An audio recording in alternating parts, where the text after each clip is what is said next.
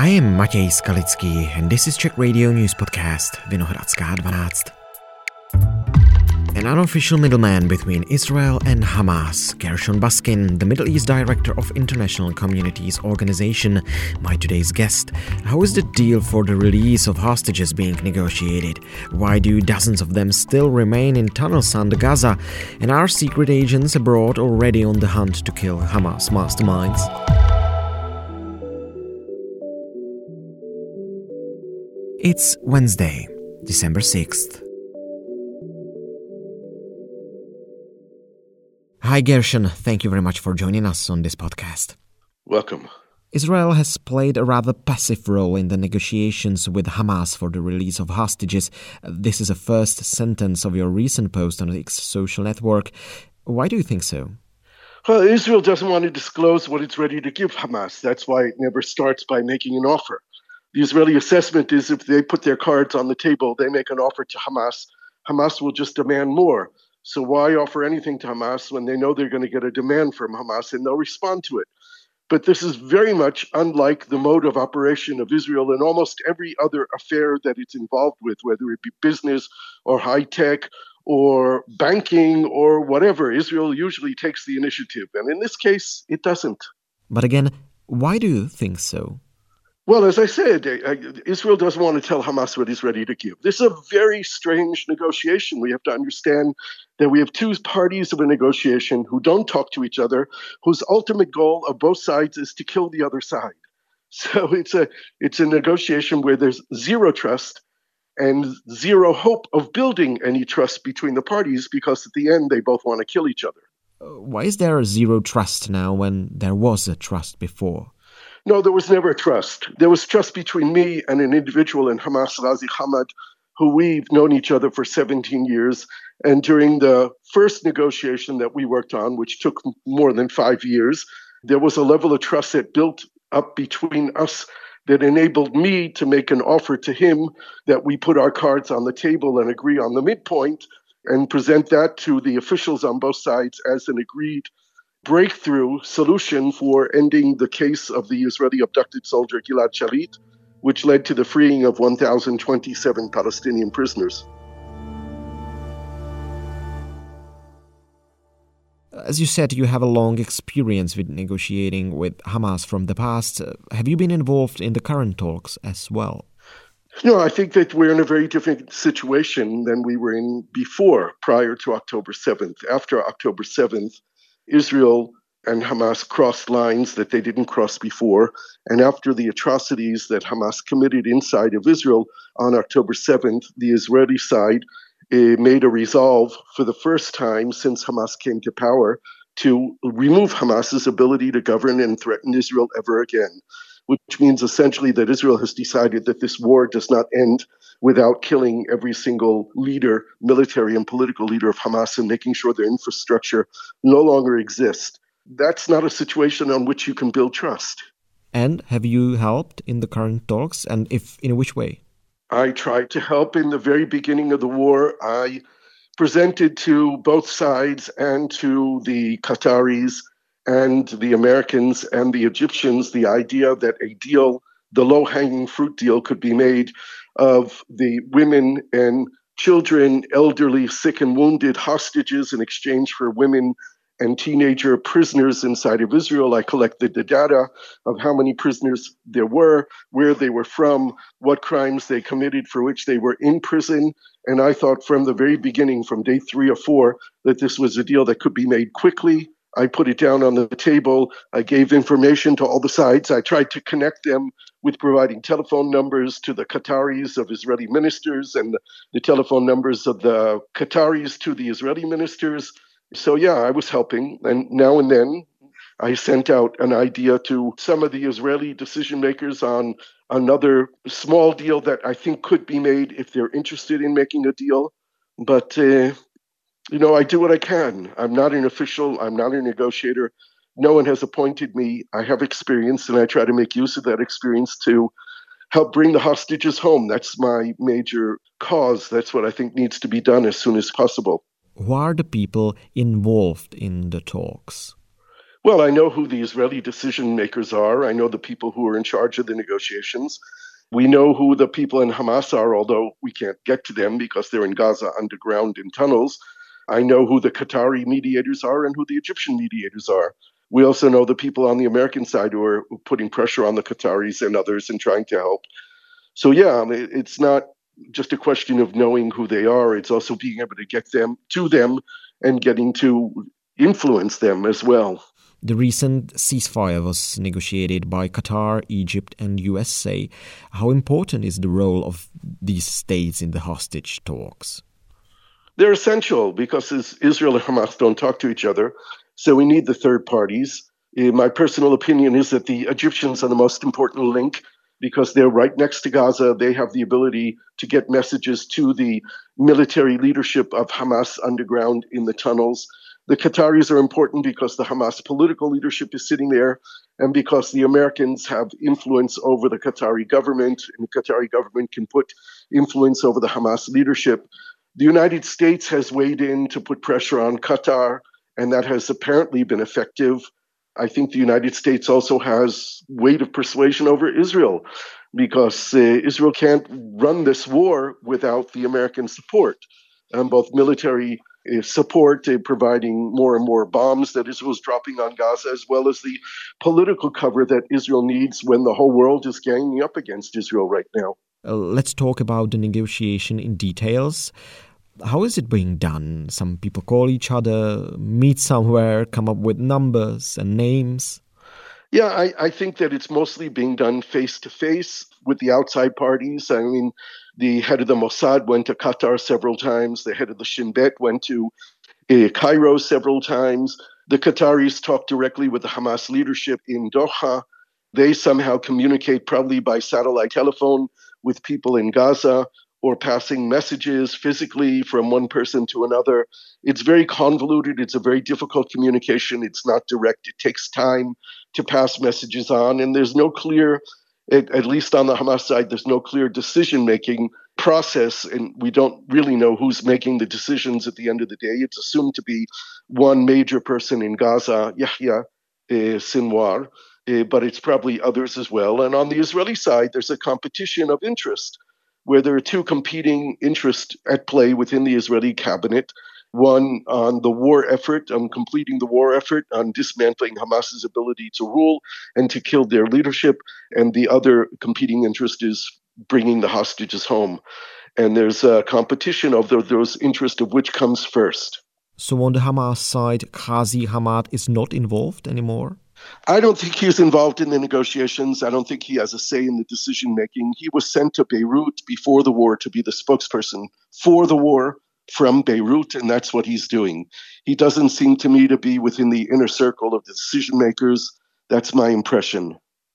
That was also my, my conclusion from talks with him during the first two weeks of the war when I tried to push through this idea of the negotiation for the women, the children, the elderly, the sick, and the wounded in exchange for the women and, and teenager prisoners in Israel.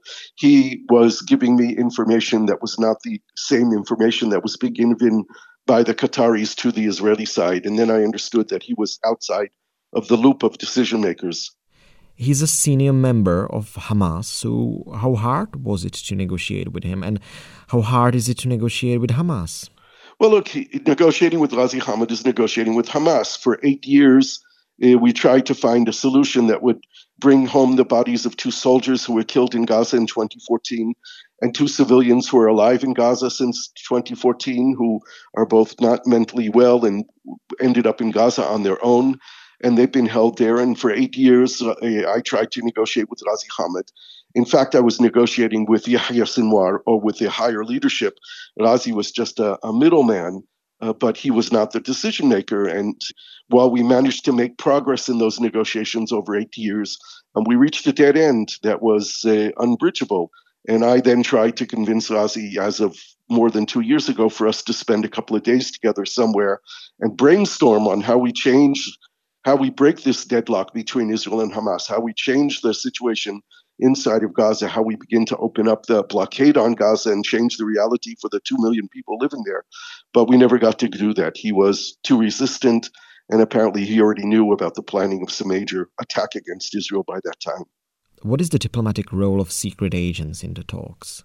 Well, the Mossad in particular, which is the intelligence organization that works outside of Israel, has for 30, 40, 50 years had contacts throughout the Arab world with countries that Israel doesn't have diplomatic relations with. And they can fly in under the radar and meet with people, and they have people on the ground and agents that work all over the world. And so it's the premier agency that you would turn to to engage in negotiations that are very secretive um, very classified and, and where no where there are no leaks. You can depend upon your intelligence agencies to do the job in a way that uh, will not uh, enable leaks to get out. The only leaks that get out are the ones that are planted there in order to deflect what's really going on inside of negotiations. She was thin, she was hungry. I won't even go into more description but she had been somewhere in the dark for 50 days. She wasn't in the tunnels, they were actually fleeing from house to house. Our heart is with our friends and brothers and mothers and sisters that are still waiting, like us, to our dad and to their children.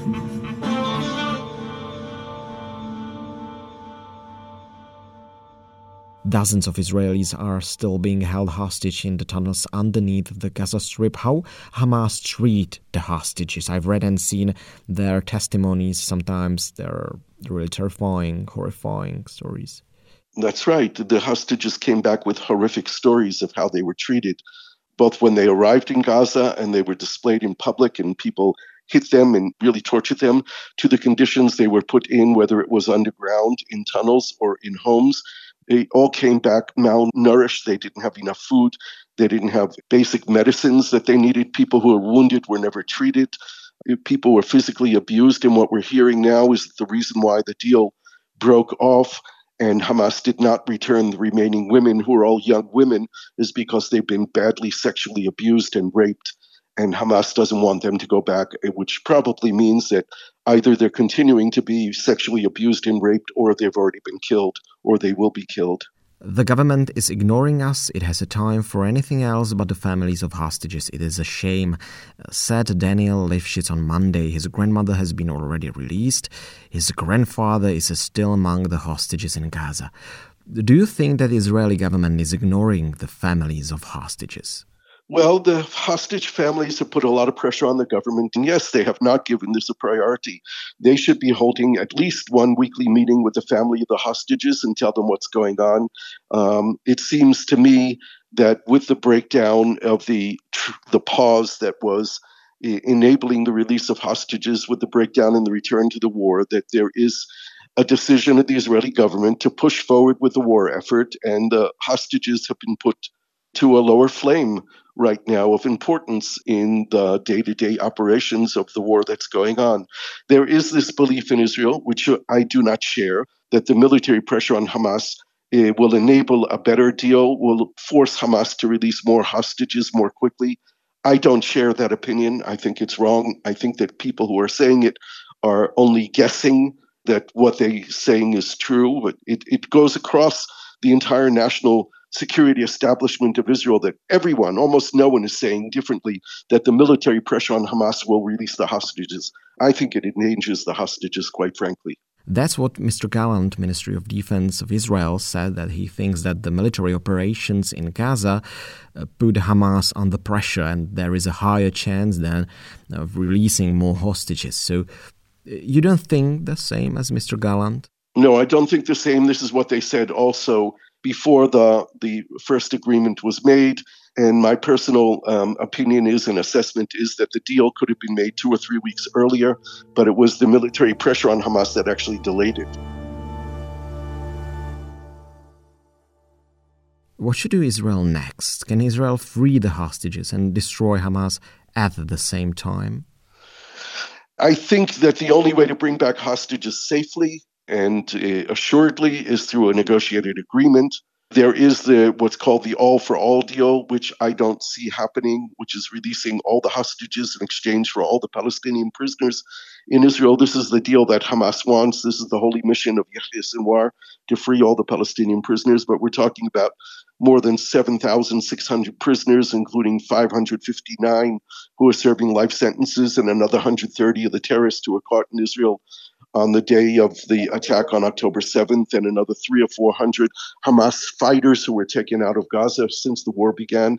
This is something that I don't think could happen, but I think that there is a possibility of making a deal with Hamas for the remaining civilian hostages, which includes the women if they're still alive and they're willing to make a deal on them, the elderly, the sick, and the wounded. And I think that Israel could make a generous offer to Hamas to release hundreds, even thousands of prisoners including perhaps some of those who are serving life sentences. I think this is a deal that could be made, and I think that Israel should make it. I have different ideas of how it should be done, but uh, I, I, think that fighting the war and relying on search and rescue operations it not only puts the hostages at great risk, it also puts the soldiers at great risk. Is Hamas capable of harm hostages in case the negotiations won't go as expected? Yeah, at the very beginning of the war, the Hamas people said in Gaza that they would execute hostages. And then a few days later, the leadership in Doha, in Qatar, walked that back and said they wouldn't do it. But Hamas has to soon begin to understand their situation on the ground in Gaza. If they didn't realize it until now, they are finished. Their day of reckoning with their God will come soon. Israel will find the leadership of Hamas either by chance or by intelligence, and they will execute them. And uh, this is the reality that Hamas needs to face.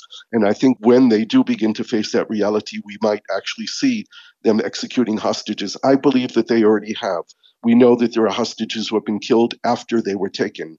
We've seen Israel retrieve some bodies from Gaza of hostages who were alive going into Gaza and who were found dead and they weren't killed by the Israeli bombing, although some of the hostages may have also been killed by Israeli bombings. The Israel Hamas truce talks have been mm, cancelled a few days ago, so do you see a chance to renew them in the foreseeable future? Yeah, there'll only be a truce again if there's another hostage release. The two of them come together. A hostage release cannot be done without the truce in place. So if Hamas wants a truce, then it's going to have to agree to another hostage release. If not, Israel will just carry on and move further and further south and surround the city of Khan Yunis and the city of Rafah and begin to do its underground operations of searching for hostages and searching for the Hamas command. Uh, do you think that Mossad intelligence officers have been already on a hunt to kill Hamas representatives abroad? For sure. From day one of the war and probably beforehand. I think that uh, if you look back in history, every person in Hamas who had anything to do with the abduction of the soldier Gilad Shalit in 2006 or keeping him held hostage over five years and four months is no longer alive. Israel, over the years, managed to get to every single person who had anything to do with the abduction and the keeping of Gilad Shalit. And I think that's their intention with regard to the entire Hamas leadership, both the leadership in Gaza, the leadership in the West Bank, and the leadership abroad, wherever they may be at any time. None of them should feel safe. I really appreciate all your answers and thank you very much again for your time. You're very welcome. Have a good day.